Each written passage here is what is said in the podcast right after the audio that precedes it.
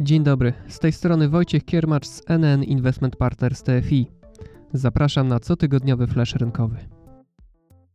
Nadzieję, że inflacja jest blisko szczytu i że banki centralne staną się mniej jastrzębie, czyli zwolnią z podwyżkami stóp procentowych, doprowadziły do odbicia na rynkach akcji w ostatnim tygodniu. Dalsze łagodzenie polityki i zniesienie restrykcji w Chinach również pomogło złagodzić obawy o globalny wzrost gospodarczy.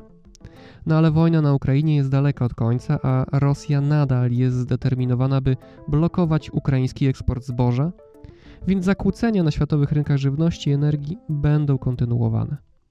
Ponadto podczas unijnego szczytu w Brukseli uzgodniono, że Unia Europejska docelowo całkowicie zrezygnuje z importu rosyjskiej ropy. Embargo wywoła dodatkowe napięcie na tym rynku i to w czasie, gdy chińska gospodarka odzyskuje impet po zniesieniu sankcji. W związku z tym ceny surowców mogą pozostać wysokie, a wraz z nimi globalna inflacja. Póki co w tym roku surowce, rozumiane bardzo szeroko, są jedną z nielicznych klas aktywów, które po prostu rosną. Większość rynków akcji i obligacji notuje głębokie przeceny.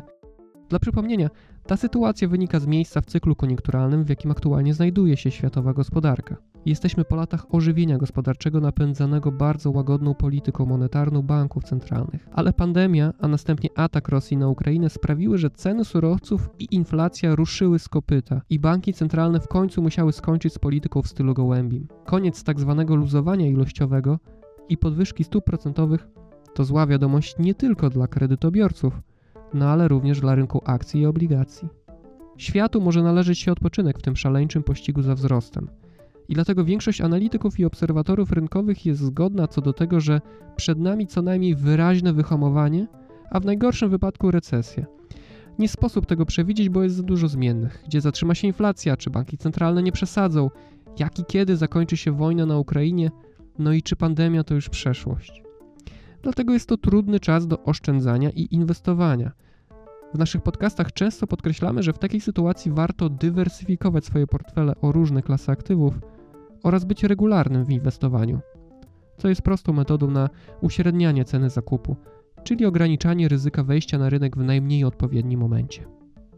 Tymczasem z polskiej gospodarki napłynęło sporo ciekawych danych. Weźmy chociażby szybki odczyt inflacji konsumenckiej w maju. Według GUS wyniósł on 13,9%, nieco wyżej od oczekiwań rynkowych. Jak zauważają ekonomiści z banku PKO, bardziej niepokojące są szacunki tzw. Tak inflacji bazowej, czyli po wyłączeniu cen energii i żywności.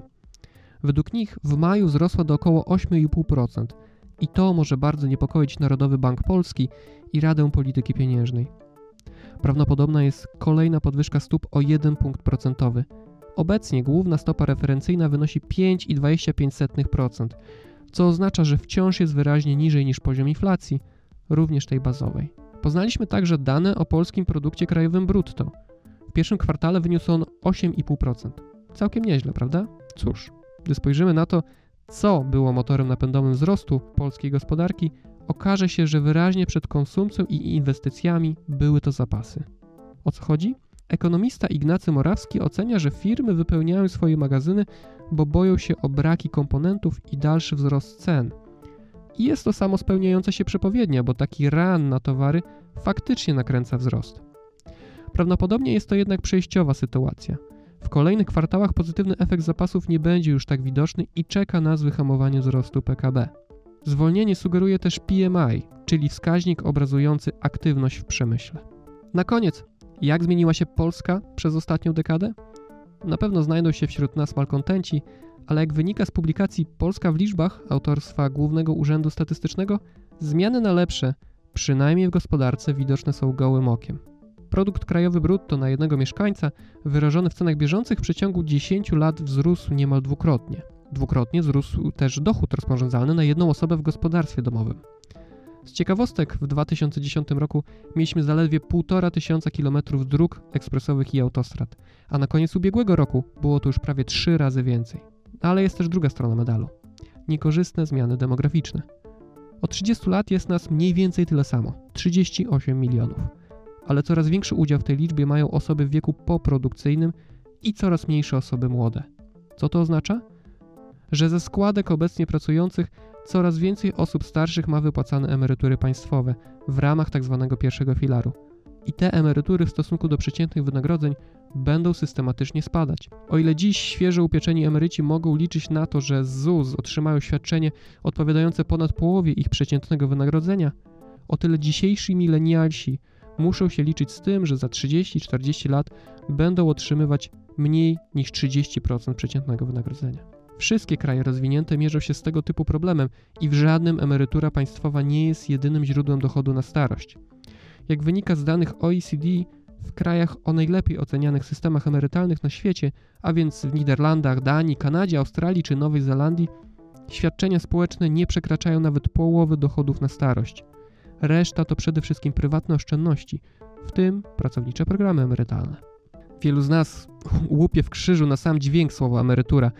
Niby wiemy, że warto zadbać o jej finansowy aspekt, ale nie do końca wiemy, jakie konkretnie działania podjąć. No a poza tym to przecież jeszcze tyle czasu. No ale czas szybko minie, więc warto zacząć działać, nawet metodą małych kroków. W Polsce od lat funkcjonują programy służące oszczędzaniu i inwestowaniu pieniędzy z myślą o emeryturze. Przykład pracownicze, PPE czy PPK. Są również indywidualne konta emerytalne IKE i IGZE. Jeśli chodzi o dwa ostatnie, mogą być oferowane w formie zwykłej lokaty bankowej, ubezpieczenia, rachunku maklerskiego czy funduszy inwestycyjnych. Obydwa oferują bardzo ciekawe ulgi i zwolnienia podatkowe.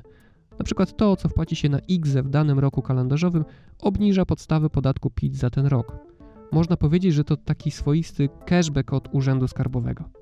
Najbardziej powszechną w Polsce formą IGZE są te w ramach funduszy inwestycyjnych.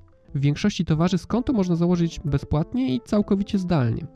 W Investment Partners TFI, IKE i IGZE można prowadzić w formie tradycyjnych funduszy, ale również w formie funduszy cyklu życia Perspektywa. To ciekawe rozwiązanie, które zmienia się wraz z inwestorem. Na początku drogi, gdy jesteśmy młodzi, udział instrumentów takich jak akcje, czyli o wyższym poziomie ryzyka, jest proporcjonalnie wyższy od instrumentów takich jak obligacje, czyli o znacznie mniejszej zmienności. Wraz ze zbliżaniem się do tzw. Tak daty docelowej, widocznej w nazwie funduszu, udział części akcyjnej spada na rzecz części obligacyjnej. Przyszły emeryt nie musi więc sam zmieniać składu portfela swojej inwestycji. To wszystko w dzisiejszym flaszu rynkowym. Do usłyszenia za tydzień.